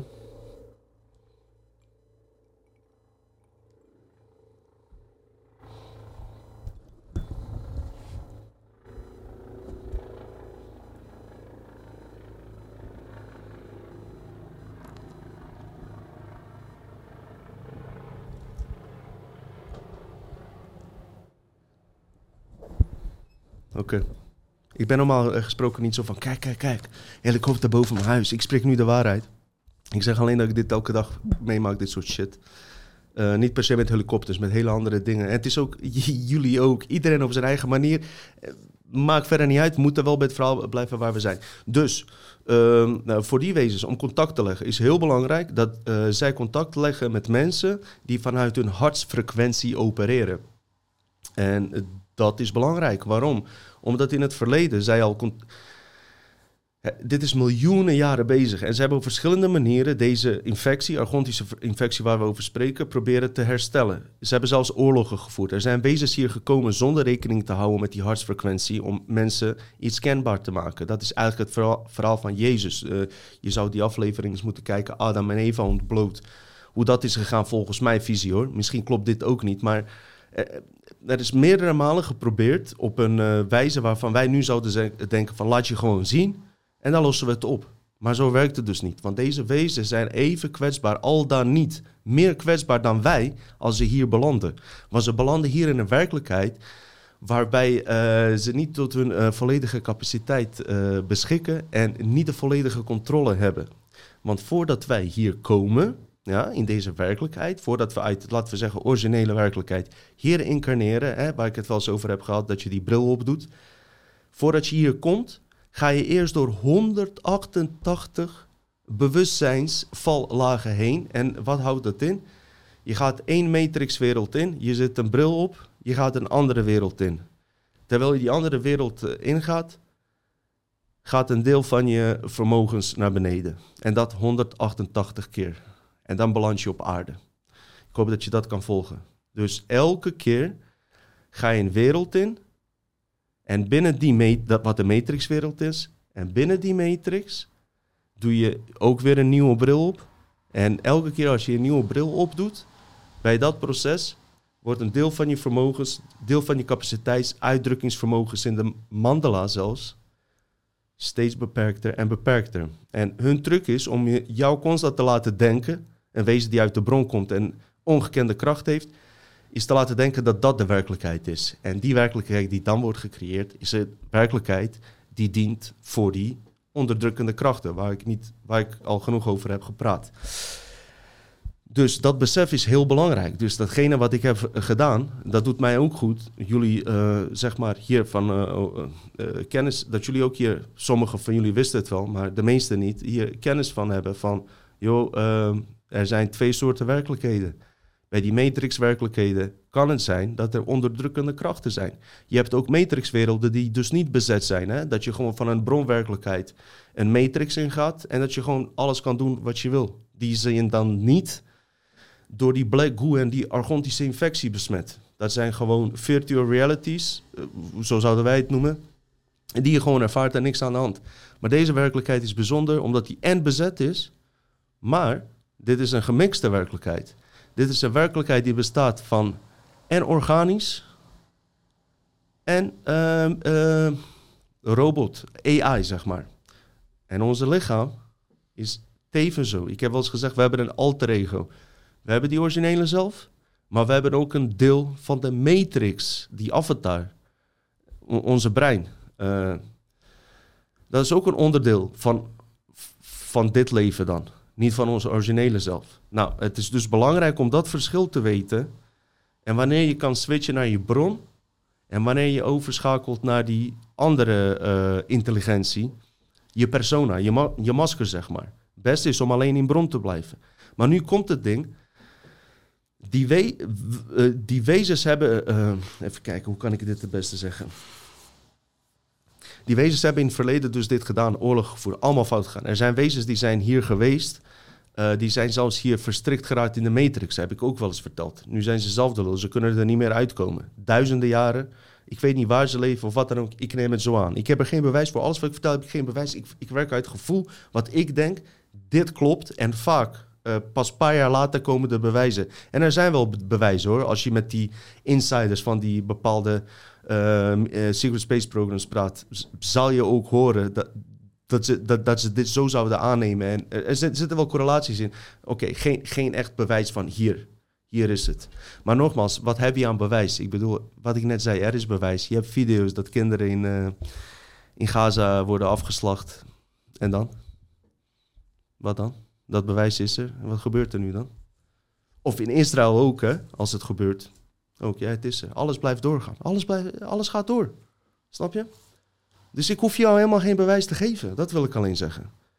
Bewijs hebben mensen nodig die alleen uit hun brein denken. Ik praat nu tegen mensen die, die met hun hart kunnen voelen of iets klopt of niet. Die star, eh starseeds, daar gaan we straks op komen. Dus die wezens die nu, eh, waarvan ik overtuigd ben, om de aarde met hun schepen dit observeren. Of via andere interdimensionale werkelijkheden, via op andere manier eh, ons waarnemen. eh, die staan te popelen dat wij dit inzien. En dat we via die hartsfrequentie, dus het organische veld, contact met hun leggen. Zodat zij hier veilig kunnen landen zonder hier vast te komen zitten. Wat al eerder gebeurd is. Nou moet ik zeggen, er zijn onwijs weinig mensen hiermee bekend. Dus ik, ik, ik ben benieuwd of dit ooit gaat gebeuren. Weet je, ik hoor Martijn zeggen dat het geit gaat gebeuren. Ik hoop het. Ik, ik ben met mijn kennis niet zo ver dat, dat ik dat kan verzekeren. Maar ehm, daarom doe ik dit, om misschien meer mensen hiervan op de hoogte te stellen. Want we hebben natuurlijk niet alle mensen nodig om dit tot stand te laten komen. Want wij hebben dan weer effect. Elk persoon heeft effect op 45.000 andere mensen. Dus je kan door hiervan overtuigd te raken, kan je een energetisch veld uitzenden wat volgens mij 500 meter om je heen gaat. En dat effect heeft op mensen die daar toegang tot verlenen. Dus je pleegt geen interventie op de gedachten van die mensen. Maar als onbewust toegang verlenen tot jouw informatie, dan kunnen zij dit ook opvangen, bewust of onbewust, en het doorsturen naar weer 500 meter om hun heen, zeg maar. Eh, gecompliceerd verhaal. Maar daarom laat ik straks een video van Martijn van Staveren zien. Voor het eerst ook trouwens, hè. 122 afleveringen. Ik heb heel vaak over die man gehad. En mensen zeiden, waarom laat je nooit een video van hem zien?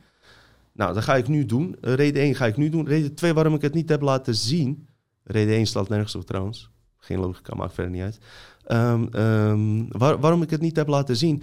Omdat informatie die hij vertelt, als hij iets vertelt en ik laat 10 minuten zien, daar zit een verhaal vooraf van twee uur. Om dat te kunnen begrijpen, snap je? En als ik alleen die 10 minuten laat zien, kan dat totaal andere betekenis eh, geven, zeg maar. Maar ik heb nu een eh, video gevonden die van hem die top gaat met hetgene wat ik nu aan het vertellen ben. Dus die collectieve ontmanteling, hoe, hoe we collectief eh, samen iets kunnen inzetten eventueel om deze werkelijkheid te veranderen.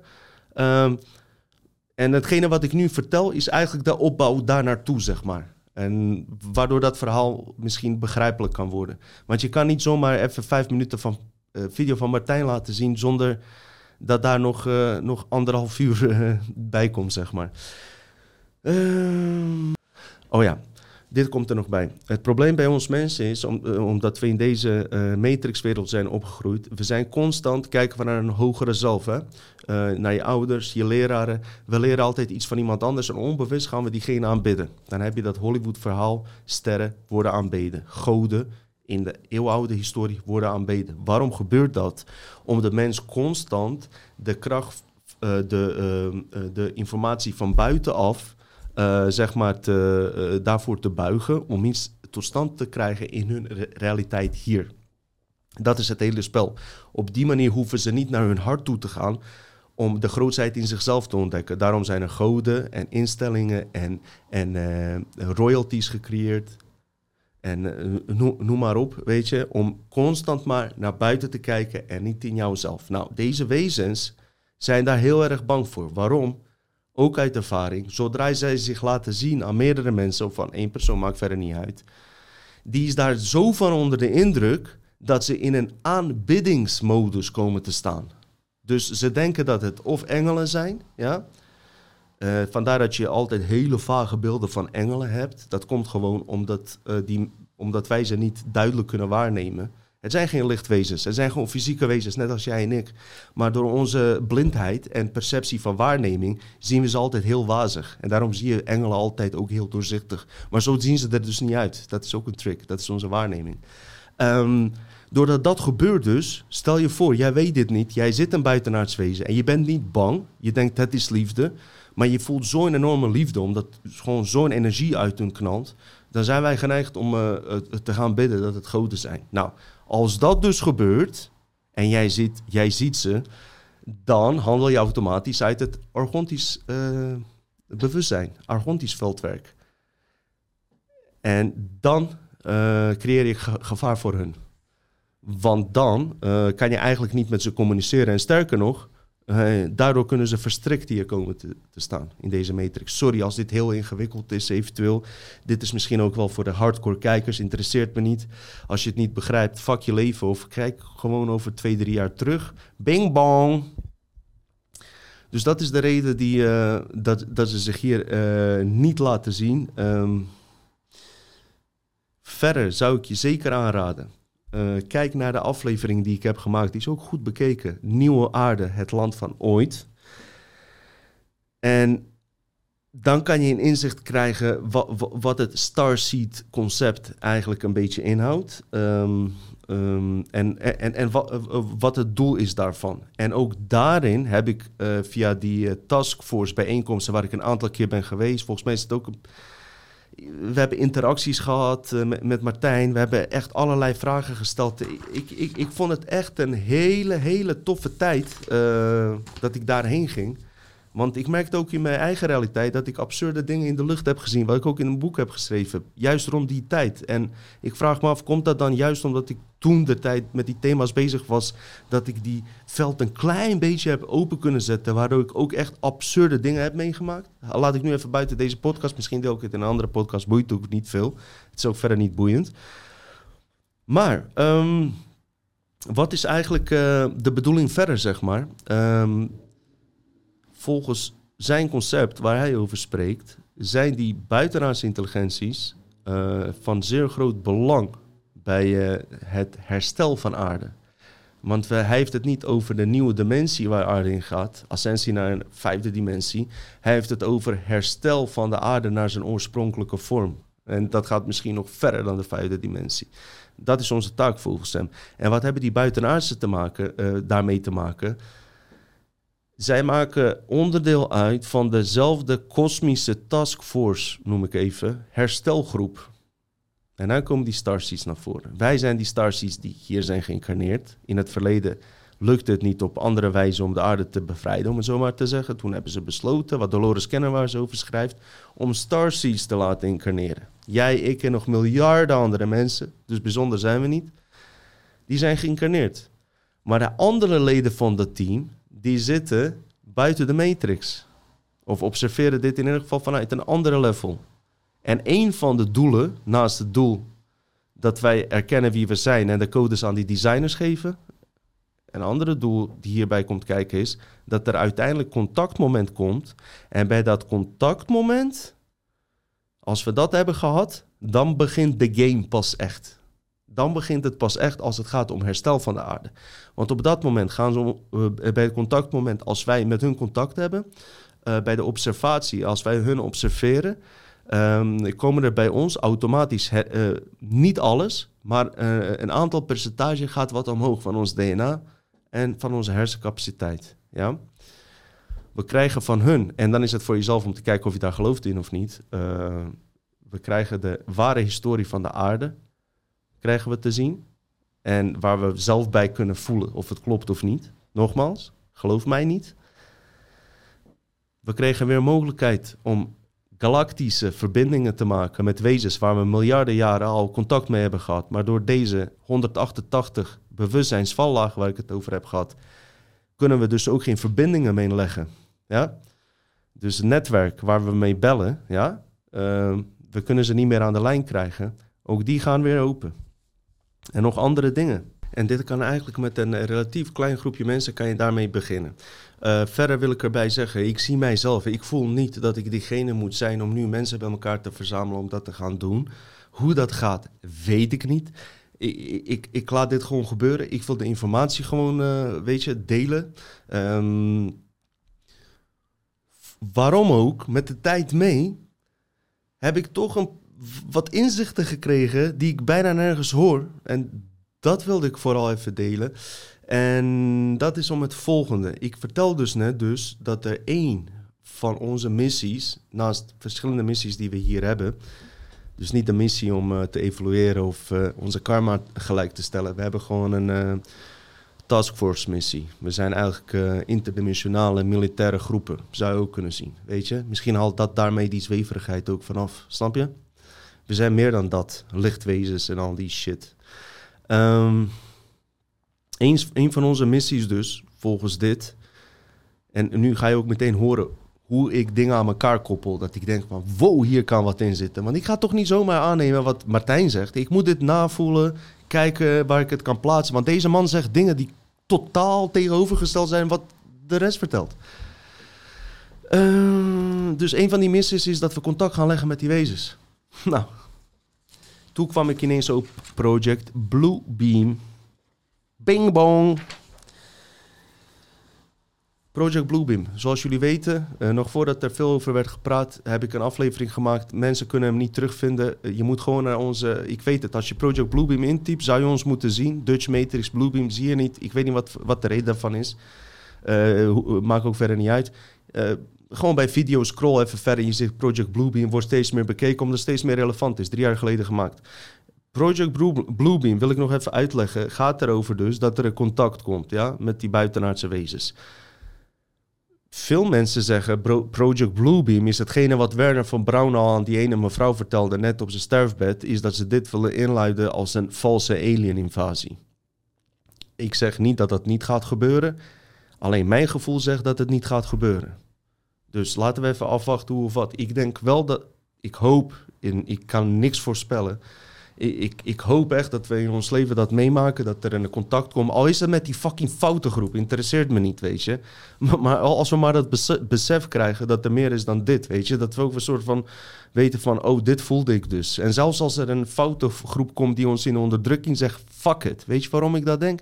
We zijn oneindige wezens. We kunnen niet doodgaan. Daarvan ben ik overtuigd, daarom ben ik niet bang. Maar goed, Project Bluebeam. Wat is Project Bluebeam volgens veel alternatieve media? Is dat er een valse alien-invasie komt. Dr. Stephen Greer hamert hier elke keer op terug. Hij is er zeer van overtuigd. Uh, prima. Oké? Dus een valse alien-invasie, zoals in de film Independence Day, waarbij de buitenaardse uh, ons eigenlijk uh, aanvallen. In de film Independence Day is dat dan echt. Maar Project Bluebeam gaat erover dat de overheid dit in elkaar zet om ons te laten denken dat het buitenaardse zijn. Maar in wezen zijn het geen buitenaardse, maar zijn het hologrammen. Waardoor wij weer een nieuwe uh, vijand hebben Waardoor, uh, waardoor ze de nieuwe world order en nieuwe religion worden, uh, religieuze orde kunnen invoeren. Om de mensheid bij elkaar te brengen. Om weer een gezamenlijke vijand te creëren. En dat klopt compleet volgens het systeem waar David Icke over praat bijvoorbeeld. Al heb ik hem nooit over Project Bluebeam zien spreken. Maar het is wel zo, het is altijd wij tegen hun, weet je wel. Je moet altijd wat kiezen. En als dat spel uit is, begrijp ik dat mensen denken van... hé, betrekken ze uit buitenaardse erbij... En dan hebben we weer een gezamenlijke vijand. Maar eh, tijdens dat proces wordt de mens nog meer onderdrukt. Zou kunnen, zou kunnen. Wat ik zelf denk dat er zou kunnen gebeuren en hoe ik Project Bluebeam zie, en zo heb ik dat ook in die podcast proberen uit te leggen, is gewoon de verschijning van antichrist, maar op een andere manier dan dat je in de Bijbel hoort. Mijn idee is hier over dit. Project Bluebeam. Oké, deze krachten, waar, waar we dus over spreken, moet ik toch weer terug naar hun, hebben de uh, uh, mogelijkheid om door de, door de tijd te, reizen. Niemand kan wat voorspellen. Alleen de toekomstige tijdlijnen kunnen ze heel goed inschatten. Ze weten heel goed dat we nu in een fase zitten dat er echt meer over wordt gepraat, over dat buitenaardse. Veel starseeds zijn gekomen, wat bij hun eer, uh, eigenlijk een soort van uh, meer druk heeft gezet om dit uh, buitenaards fenomeen wat meer op te helderen. Want heel veel mensen zijn nou hiermee bezig. En weet je, ze zijn niet bang voor die mensen zelf dat ze Area 51 binnenvallen. Ze zijn meer bang voor hun kwantumfysica, dus hun inbeeldingsvermogen, die invloed heeft dus op deze matrix. Wij houden deze matrix ook in stand. En straks laat ik een video zien uh, waar Martijn spreekt over een beschaving die ook in de matrixwereld door argonten besmet zijn geraakt en daaruit zijn gekomen door een collectief uh, besluit te nemen collectieve ontmanteling. Maar ik ga terug naar Bluebeam. Um, mijn visie is, of tenminste mijn gevoel is, en ook wat ik ook heb gehoord uh, en gezien om me heen, dus ik heb dit niet helemaal uit mijn hart zelf bedacht, maar even aan elkaar geknoopt. Mijn idee is dat die Project Bluebeam, dat er geen alien-invasie komt, mensen. Het gaat niet gebeuren dat je ineens een gigantisch groot schip zit en dat we weer in angst worden gehouden. Dat COVID, wat sommigen zeggen, voorbereiding was om ons binnen huis te houden. En, um, en allerlei, en dat het via hologrammen uh, uh, plaatsvindt. Dat hologrammen zou nog wel kunnen. Wat ik denk is als volgt. Ik denk dat zij um, ons eerst door heel veel ellende hierheen uh, laten komen. En ze weten diep van binnen willen wij contact maken met onze kosmische familie. En dat willen ze camoufleren, want dat is wat ze constant doen. Dus over, de, onze kwantumfysica creatievermogen, wat wij willen creëren, plakken zij vervolgens een eigen scenario doorheen. En dat zijn achterrassen die daar constant op inspelen. En ik denk eerder wat ze gaan doen. Dus ze, ze, ze gaan naar die tijdlijn. Ja, dit is echt zwaar level. Een paar mensen die het begrijpen, ben ik al blij mee. Als je niet begrijpt, fuck your life. Nee, grapje, komt wel. Um, uh, ze rekenen de scenario uit waarin de break-even point komt, dat mensen tot de totale ontwaking komt. En dan vindt, er een event plaats. Zoals 9-11, COVID, uh, hier nu oorlog in het Midden-Oosten en alles. Constant, als dat punt komt, vindt er iets plaats, zodat wij onze aandacht daarop vestigen en dat niet gebeurt. Dus ik denk, als er weer zo'n punt komt, dat we echt klaar zijn, hè, in, in ons hartskracht kunnen zitten om contacten te leggen dat zij dan, wat ik dan Project Bluebeam noem, uh, dit eroverheen plakken. Niet dus met wezens die ons komen aanvallen. Nee, andersom juist. De wezens die zich gaan voordoen of gaan vertellen, wij zijn die Anunnaki. En dat klopt, dat zijn zij ook. En jullie hebben ons totaal verkeerd begrepen. Al die religies hebben het verkeerd. Ze hebben het verkeerd opgeschreven. Er zijn zoveel kopieën. Het is zo, zo verkeerd begrepen, mensen hier zijn wij. En natuurlijk, wolven in schaapskleding, zoals uh, Martijn en Arjan Bos dat in hun aflevering bij Crowdpower hebben uh, uh, omschreven, wat ik je aan zou raden om te kijken. Zullen ze dat op zo'n subtiele wijze doen, ja, net als onze politieke leiders dat doen, zullen zij dat nog op een veel subtielere wijze kunnen doen. En ons te overtuigen van, jongens, hier ging het om. En wij gaan ze geloven, weet je waarom? Omdat we dingen van ze gaan krijgen. Welke dingen? Die boom boom dingen. Die bing bong dingen. Nee, nee. Iedereen geldt maar op die vrije energie. Joh. Vrije energie. Ja, die gaan ze jou geven. En die gaat, die gaat gewoon diep in je kontje, die vrije energie. Even serieus. Ja? Um, wat dan? Je hebt morgen vrije energie. Ik heb wel eens eerder gezegd. Als jij morgen vrije energie hebt, stopt jouw buurman dan met het naaien van jouw vriendin met vrije energie. Bing bong nat nek met een ringworm. Even serieus. Waarom? Het draait veel meer om die vrije energie. Snap je? Uh, hoe heet die uh, Dr. Stephen Greer ook? Elke keer dat vrije energie, vrije energie. Wanneer kregen we onze vermogens terug dat we 100% hersencapaciteit hebben? Wordt onze DNA hersteld naar hoe, hoe die hoort te zijn? Ja? Voelen we dat ware geluk van binnen zoals we verliefd zijn? Hè? Voelen dat gevoel constant? Nee. Dus wat deze wezens gaan doen, die gaan ons inleiden, zonder dat we het doorhebben, denk ik, in een draconisch uh, systeem. Deze wezens gaan zichzelf heel netjes voordoen. Maar als jij in je hart weet te zitten, zal je hun, uh, zeg maar, zal je de manipulaties van hun wel herkennen, zeg maar. En de grote menigte zal ze gaan aanbidden. Net als ze dat doen met uh, Justin Bieber, Kim Kardashian en dat soort figuren. Dat is wat ik verwacht. Dus uh, dat, dat is de Project Blue Beam die ik uh, voor ogen heb. En ik ga niet zeggen dat, dit, uh, dat, dat ik de complete werkelijkheid heb, maar ik, ik zeg wel dat ik gelijk heb. Snap je wat ik bedoel? Hè? Snap je wat ik bedoel? Ik laat je nu even een video zien van Martijn. De eerste keer dat ik iets deel van deze man op video. Weet je wat ik ook kut vind? sorry, minder vind, is dat... als je een podcast hebt en dan deel je podcast van iemand anders. Snap je? Vind ik in het algemeen een beetje raar. Misschien heb ik dat een paar keer gedaan. Maar in dit geval moet ik het doen. Ik deel dus een podcast van Crowdpower, Arjan Bos, Martijn van Staveren, Earth Matters is de videokanaal. Waar ze eigenlijk praten over een beschaving, die katachtige beschaving. Ik weet even de naam niet, zal je straks horen. Ehm, die ook ehm, ehm, hetzelfde ongeveer heeft meegemaakt als dat wij hier meemaken. Maar zij zijn zo ver onderdrukt dat ze met z'n allen tot een besluit moesten komen om alles neer te leggen. Alle werk wat ze doen, alles. En dan komt het, hè, hoe belangrijk wij zijn voor de matrix. Wij zijn degene die deze matrix in stand houden. Ja? Als wij stoppen met alles doen wat wij doen, valt dit systeem niet alleen fysiek uit elkaar, maar ook esoterisch. In andere lagen, interdimensionaal, stopt alles. En dan open zich de nieuwe tijdlijnen. Maar het probleem is dus, en ik hoor daar ook bij, van hey, als ik morgen niet werk, hoe ga ik mijn hypotheek betalen? Hoe ga ik dit? Hoe ga ik dit? Hoe ga ik zo? kom je naar die geopolitieke laag. Hij vertelt, en je moet zelf weten wat je ermee doet. Het is zijn perspectief. Neem het in je op, kijk wat je ermee doet. Dat die hele beschaving een collectief besluit heeft genomen. Collectief deze shit ontmanteld heeft. En ze zijn gestopt met alles wat ze doen en hebben een nieuwe tijdlijn ingeblazen en zijn vrijgekomen van de argontische infectie. Bing bong! Kijk, de waarneming die wij op dit moment visueel technisch eigenlijk doen, dat gebeurt eigenlijk dat onze waarneming wordt verplaatst door waterkristallen. En wij zijn zelf waterwezens, wij bestaan uit water. Deze wereld is opgebouwd uit water.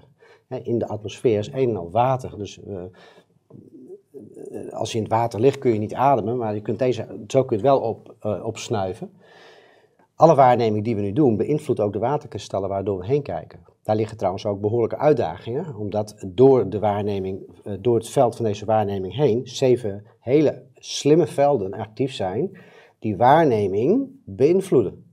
Mhm. Dus het is ook nog eens zo van weet wat je waarneemt, weet waar je naar kijkt. Dus het is, het is heel, heel belangrijk om voortdurend in jezelf te beseffen dat je uit een uh, ander veld informatie kunt ontvangen als wat we tot nu toe hebben geleerd. De verschuiving van die waarneming door middel van onze voorstelling zorgt ervoor dat we contact krijgen met een kracht in onszelf die zo immens groot is. En dan veranderen wij, zonder dat we het veranderen hoeven te noemen, werkelijkheid. Dat doen we dus inderdaad door die waarneming. Dat is ook de kwantummechanische wetgeving en daar anticiperen onze vrienden en familieleden uit andere universa ook op, dat we dat dus gaan aanzetten in onszelf. Mm vraag die daarop aanhaakt, die zegt van je hebt wel eens gesproken over het gevaar van uh, de Black Sisters die door het universum reizen. Heb jij ervaringsverhalen uh, over beschavingen die die aanval, want zo mogen we het toch wel noemen, gepareerd hebben? En wat is de crux hoe ze terug naar de oorsprong zijn gegaan en mind control hebben afgelegd? Dus uit de collectieve hypnose zijn gestapt.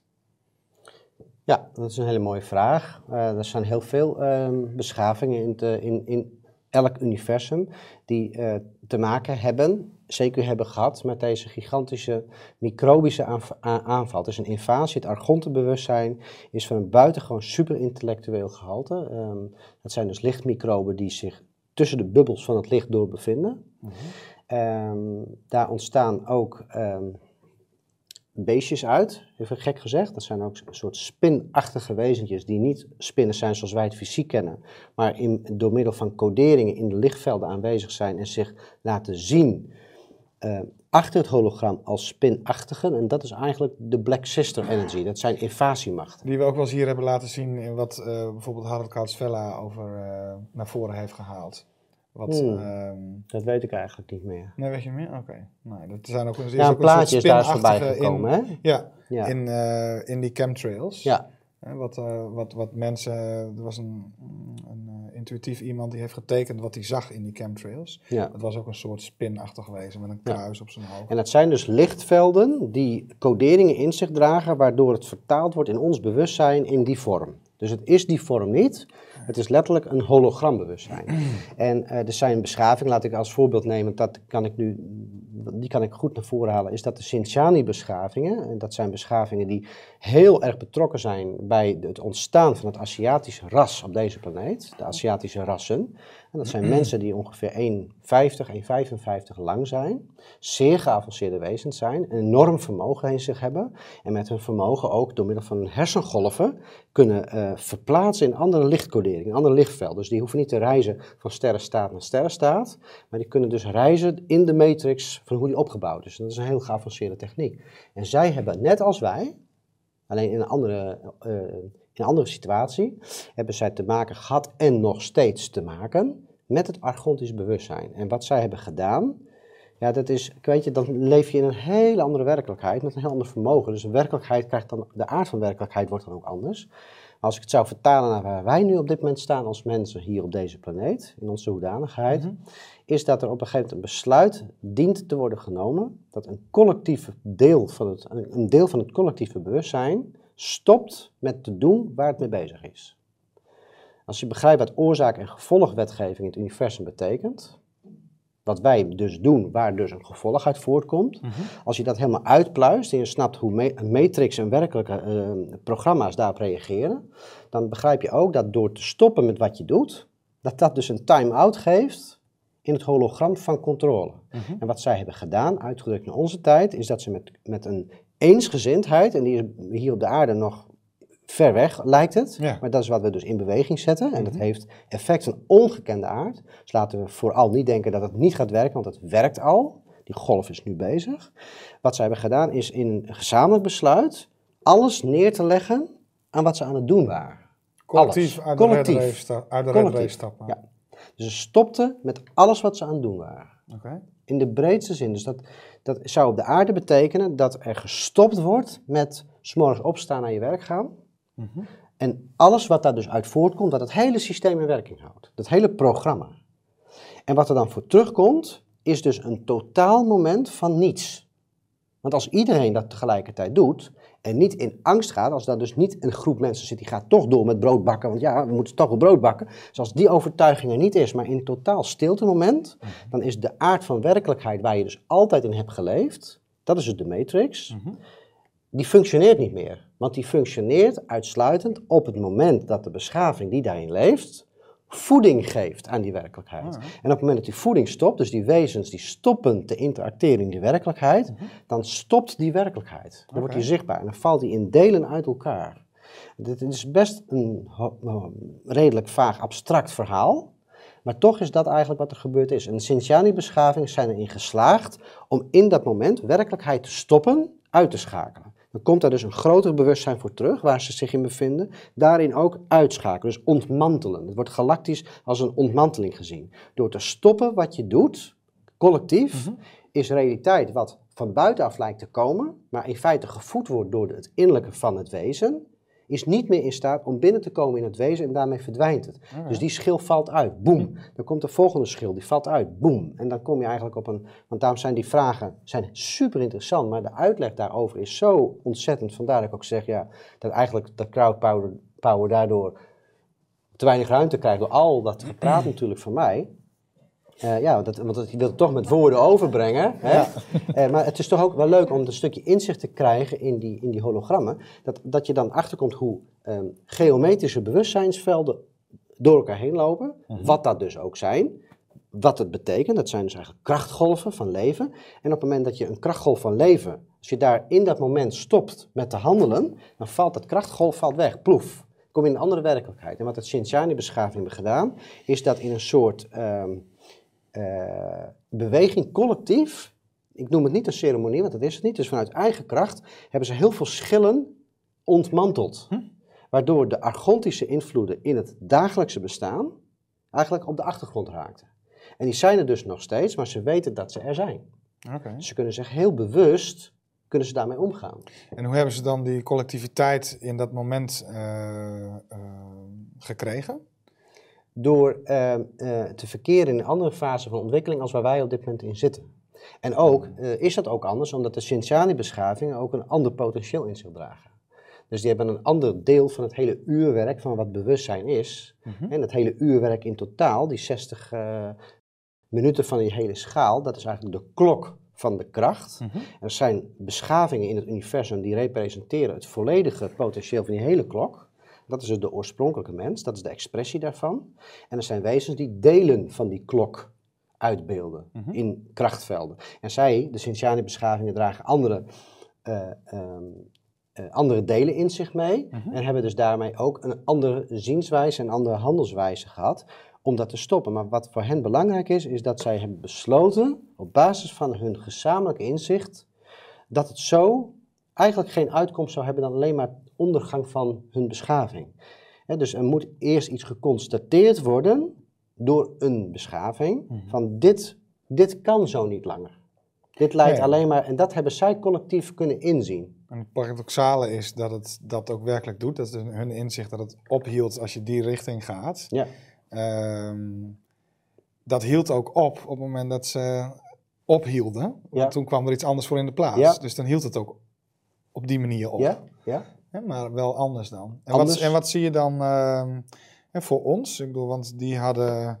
En dat was voor hun een, een, een goede set aan factoren, zeg maar, in hun evolutie. En ehm, ja, heb je eh, voorbeelden, heb je nog meer voorbeelden, zeg maar? En heb je ook een idee van wat voor ons een goede... Ja, ik heb heel veel voorbeelden, maar laat ik maar gewoon over ons beginnen. ik, eh, ik kan heel veel vertellen over die beschaving. Ook hele delen van het Sa- Safiriaanse sterrenstaten van Sirius, waar zich dat ook voltrokken heeft. En waar zelfs op dit moment zich dat nog steeds voltrekt. Oké. Want het is niet alleen op de aarde. Het is al- allemaal te mooi om te vertellen dat het overal pais en vree is. Dat is niet zo. Er is iets heel groots aan de hand. Maar wat we hier op de aarde eigenlijk meemaken, is dat wij eh, gedwongen worden door, eh, door technologische onderdrukking die eraan zit te komen. Dus ook echt fysiek dat wij dus minder zeggenschap gaan krijgen. Maar die is er toch ook al? Die is er al, maar in onze huida- hoedanige werkelijkheid van onze fysieke werkelijkheid zien we dat dus nu ook ontstaan. En dat is eigenlijk de sluitsteen, als bedoeld als de sluitsteen om het mensenbewustzijn hier in deze dimensie ook definitief binnen te sluiten. dringen, op te sluiten in een artificiële werkelijkheid die nog een keertje wordt ingevoegd. Dat is eigenlijk de bedoeling. Maar wat er gebeurt is dat er dus zoveel kracht in de mensheid aan het ontstaan is, dat de mensen die zich daar bewust van worden, de noodzaak van het bewust worden zo in zich dragen, zo sterk in zich dragen, dat ze met kracht de noodzaak uitvoeren ook van en nu moet ik als vrij wezen namens mijzelf ook echt die analoge werkelijkheid ook werkelijk gaan representeren. Ik moet erover gaan schrijven, ik moet erover gaan lezen, ik moet erover gaan praten, ik moet er films over maken, et cetera, et cetera, et cetera. En wat er dus gebeurt is dat we dat gedwongen worden door die technologische verdrukking die nu op gang aan het komen is, die in een razendsnel tempo de aankomende jaar echt haar intrede volledig zal doen. Dat, wat gebeurt, ontkomen we niet aan, maar dat de onderdrukking daarvan gezien wordt door de mensenmassa die zich nu bewust is van die innerlijke kracht. En precies dat ook als, eh, be- als oorzaak aangewezen mag worden, waarom de mens eensgezind op een bepaald moment zegt van oké, en nu gaan wij net, even naar die Sintiani-beschaving, collectief een besluit nemen. En er is eerst een collectief besluit nodig, wat dat besluit ook is, waar het ook over gaat, om eensgezindheid te creëren in het veld van het gezamenlijk zijn. En daar worden we toe gedwongen. De aarde zal gedwongen worden, de mensen, door de technologische ontwikkelingen, om het anders te gaan doen. Dus er is eh, een diepgaand besluit in het gevoelsbewustzijn. ja, Dit nooit meer, weet je wel? 1940, ja, ja. 1945, daar wordt over gesproken. Is Dit een nooit soort ehm, En die technologie, die, die zie ik dat dat toch een hele grote cognitieve dissonantie zeg maar, in de hand werkt. Maar jij zegt van nou, dat, gaat, dat wordt nog verder gepusht tot een point of no return. Ehm, You wouldn't believe it, hoe groot het gaat worden. hmm. Het wordt immens. En het is alleen maar goed dat het gebeurt. Want nogmaals, het wordt het, het maximale middel om de mens tot inkeer te laten komen. Dat we dus ofwel naar buiten toe kunnen, definitief. Ja. Of dat we ook naar binnen toe kunnen. En als we binnenin durven zijn, dus even terugtrekken fors, dan kunnen we buiten ook weer aanwezig zijn. En dat is een formidabele beweging. Ja, want eigenlijk is het dan zo dat we het nog veel te prettig hebben allemaal. Ondanks alle pleurensooi wat er aan de hand is, hebben we ook een hele grote comfortzone. Eh, en door die techniek nog veel eh, erger op ons te drukken, eh, kunnen we niet meer anders dan eruit barsten met een of andere oorspronkelijke sprank bewustzijn wat we nog hebben. Ja. Zo- Moet ik dat zo een Ja, beetje zo, zien? zo kun je het zien. En dat is dan van toepassing op de beschaving deel op deze planeet, die dus daarmee te maken heeft. Want dit gaat dus niet op voor de mensen die nog in zeer ont- onderontwikkelde landen leven en helemaal geen eten en drinken hebben. Want die Mhm. Nee. zitten dus al in een onderdrukkingssysteem. Ja, dus het gaat er voornamelijk om dat de mensen die in de gecentraliseerde machtslocaties op de aarde bevinden, dus het Westen, het ge- eh, ge- eh, de mensen die echt in het Westen eh, systeem opgroeien, dus kapitalisme en dat soort zaken, dat die dus gedwongen worden door die technologie zo anders te veranderen. Dus het is, het is niet zozeer dat het voor alle mensen zal zijn, maar uiteindelijk heeft het effect op alle mensen. Ja, ja. want die, en dat zijn eigenlijk de, mm, de, de, waar kapitalisme heerst en zo, dat zijn de instandhouders van het systeem. Ja. En ook de brengers van die technologie. Ja. Dus dan wordt die eigenlijk van binnen, als mensen daarin opstaan en iets anders willen, wordt die van binnenuit aangetast. Ja, zo is het, Arjan. En het is ook, ehm, als je dan spreekt over de mensen die dus op dit moment bijvoorbeeld in universiteiten werken en ehm, opleidingen volgen en zelf ook dokter, dokter anders of ingenieur zijn of, of nog anders. Dat die dus achter die technologische ontwikkelingen staan en die dat ook heel erg bijdragend vinden, wat het dus ook is. Want met technologie kun je fantastische zaken bereiken. Dat, dat mag ook gewoon gezegd worden. Maar die mensen die er dus niet in naar willen kijken van dat deze werkelijkheid zal uitmonden in een totale desastreuze situatie voor het mensenbewustzijn, die mensen zullen uiteindelijk diezelfde boodschap in zichzelf gaan ontvangen. Linksom of rechtsom zullen alle mensen voor die keuze gesteld worden. En daarom is het zo belangrijk dat wij beseffen als mensen op de aarde, in welke vorm we ook met ons bewustzijn bezig zijn, of het nou in dit verhaal gaat of in een totaal andere opzet, we zijn met bewustzijn bezig. En het vergroten van het eigen vermogen, van je eigen bewustzijn, is een inspiratie voor de hele wereld. Dus wat jij doet thuis, waar je ook bent, je bent een fundamentele bijdrage aan het leveren om dat bewustzijn in beweging te zetten. Dus dat is gigantisch. Je zegt ook dat eh, elke persoon verbonden is met 40.000 anderen, hè? Ja, de informatie die jij, ik ervaar eh, in de geometrie van hoe energie opgebouwd is, dus dat zijn schokgolven van kracht, die informatie die ik in mijzelf eh, ervaar, gevoelens, schokgolven van emoties, plus of min, no way, kracht is dat, die zijn geometrisch van aard en die vervloeien vanuit het hart kracht hier binnenin via deze schil van creatie naar buiten toe. Net als een steen wat je in het water gooit, er komt een schokgolf in het lichtveld naar buiten toe. Dat is informatieveld. En dat is een geometrisch veld wat naar buiten toe gaat. Naar zo'n ongeveer 500 meter vanaf het lichaam vervloeit dat in de coderingen van het hologram waarin wij leven. En op dat moment heeft dat effect op zo'n 40.000 andere levende wezens. Dus wat Crowd ik ervaar, gaat door. Boom. Ja, dat is de geometrie. En als wij gaan leren dat toe te passen vanuit een veel groter eh, concept als wat we ooit hebben gedacht, dan kunnen wij, en dat zal ook zo zijn, puur vanuit de liefde. We zullen niemand veroordelen, we zullen niemand veranderen willen. We brengen uit louter alleen datgene wat we vertegenwoordigen, zullen we dus al die mensen in dat netwerk dus ook met zichzelf kennis laten maken. Dus doordat ik als, als wezen en als Martijn hier op de aarde iets doe vanuit mijn kernkracht, vanuit gelijkwaardigheid, wereldvrede en harmonie. En ik besef dat, dat ik dat niet doe als Martijn, maar ik besef dat ik dat vanuit het oorspronkelijke veld doe, vanuit de heilige geometrie van het oerveld, dan wordt deze informatie, dit krachtveld, wordt dus door 40.000 andere mensen opgepakt en doorgezet. Boom. Ook weer naar 40.000 Ja, anderen. ja. Dat is echt crowdpower je up. Dus ja, dat is werkelijk. En, en dat is de kracht van ons, dat is ons potentieel. En in andere tijden hebben we dat met elkaar zo ontzettend goed bedreven. En daar lopen allerlei velden doorheen. De hoogst mogelijke manipulatievelden lopen daar doorheen. Die onze mind bezetten. En het is nu de tijd om daar stevig naar te kijken. En ons te ontdoen van die momenten waarin we verkeren. En dat is de inspiratie. En ja, weet je, eigenlijk we hebben dus werkelijk de crowd nodig. We hebben elkaar nodig. Hoe eerlijk is dat? Dat we elkaar nodig hebben. Stel je voor zeg, dat we elkaar niet nodig hebben, dan kun je het in je eentje doen. Dan zou je misschien wel zeggen, ik haal mijn schouders erbij op. Als de ander het niet wil, dan niet. Nee, je beseft dat je van oorsprong allemaal met elkaar in een verbindingsveld zit. En de ander is juist de moeite waard, heel erg de moeite waard, om die persoon mee te, te inspireren. Want je weet dat als de ander geïnspireerd is, dat dat deel in jouzelf, omdat dat representeert een deel van jezelf, ook meegaat in die beweging. Soms komen mensen naar me toe, of eh, ik, lees het in de comments, en die zeggen dan, hey, net op het moment dat ik dacht dat ik alles wist, en dat je uitgeluld was, en dat, dat, dat, ik, dat alles gedeeld is op de wereld, niet alleen bij Dutch Meters, maar op de wereld, komen jullie toch weer van de Dutch Matrix met dingen dat ik denk van, what the fuck? Nou ja, zolang jij dat hebt, zal ik in ieder geval door blijven gaan met hetgene wat we doen. Bedankt voor het kijken, hè. Bing bong!